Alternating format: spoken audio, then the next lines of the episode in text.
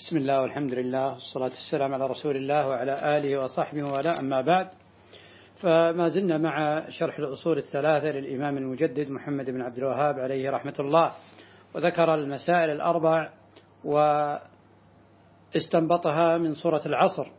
فقال الله عز وجل والعصر إن الإنسان لفي خسر إلا الذين آمنوا وعملوا الصالحات وتواصوا بالحق وتواصوا بالصبر فهنا أقسم الله عز وجل بالعصر الذي هو الدهر كما أقسم عز وجل بالفجر.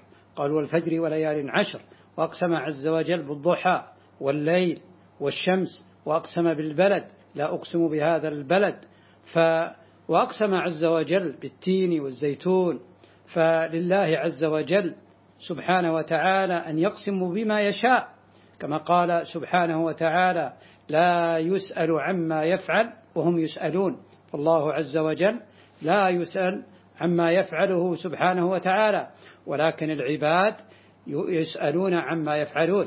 فلا يجوز للعبد أن يحلف إلا بالله أو كأن يقول والله وبالله وتالله.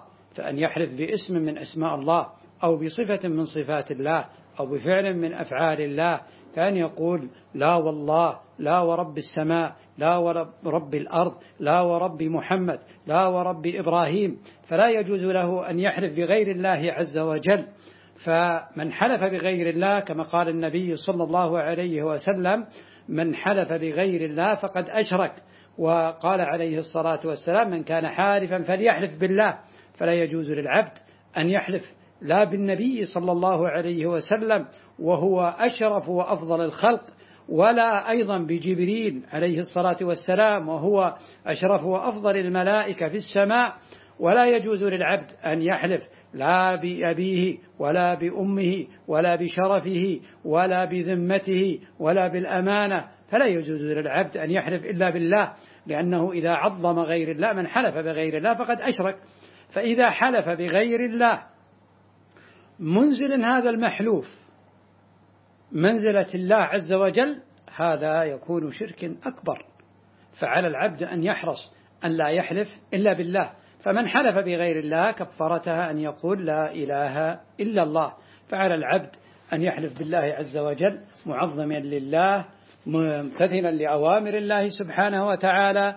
فقال الإمام بعد أن ذكر هذه المسائل ذكر سورة العصر قال والعصر إن الإنسان لفي خسر ثم قال فقال وجواب القسم والعصر إن الإنسان لفي خسر. هنا استثناء إن الإنسان أي جنس الإنسان فعموم الإنسان في خسارة إلا من استثناه الله عز وجل. قال إن الإنسان سواء أمير وزير تاجر فقير صحيح مريض مهما كان هذا الإنسان فهو في خسارة إلا من استثناه الله عز وجل. فجاء هنا استثناء إلا فعلى العبد أن ينظر إلى هذا الاستثناء ويبحث عن نفسه. هل هو من ضمن هؤلاء المستثنين حتى ينجو ويفوز ويسعد في الدنيا والآخرة أم أنه من الخاسرين؟ قال إن الإنسان فهذا الإنسان عليه أن يتدبر ويعمل. إن الإنسان الذي خسر إلا الذين آمنوا.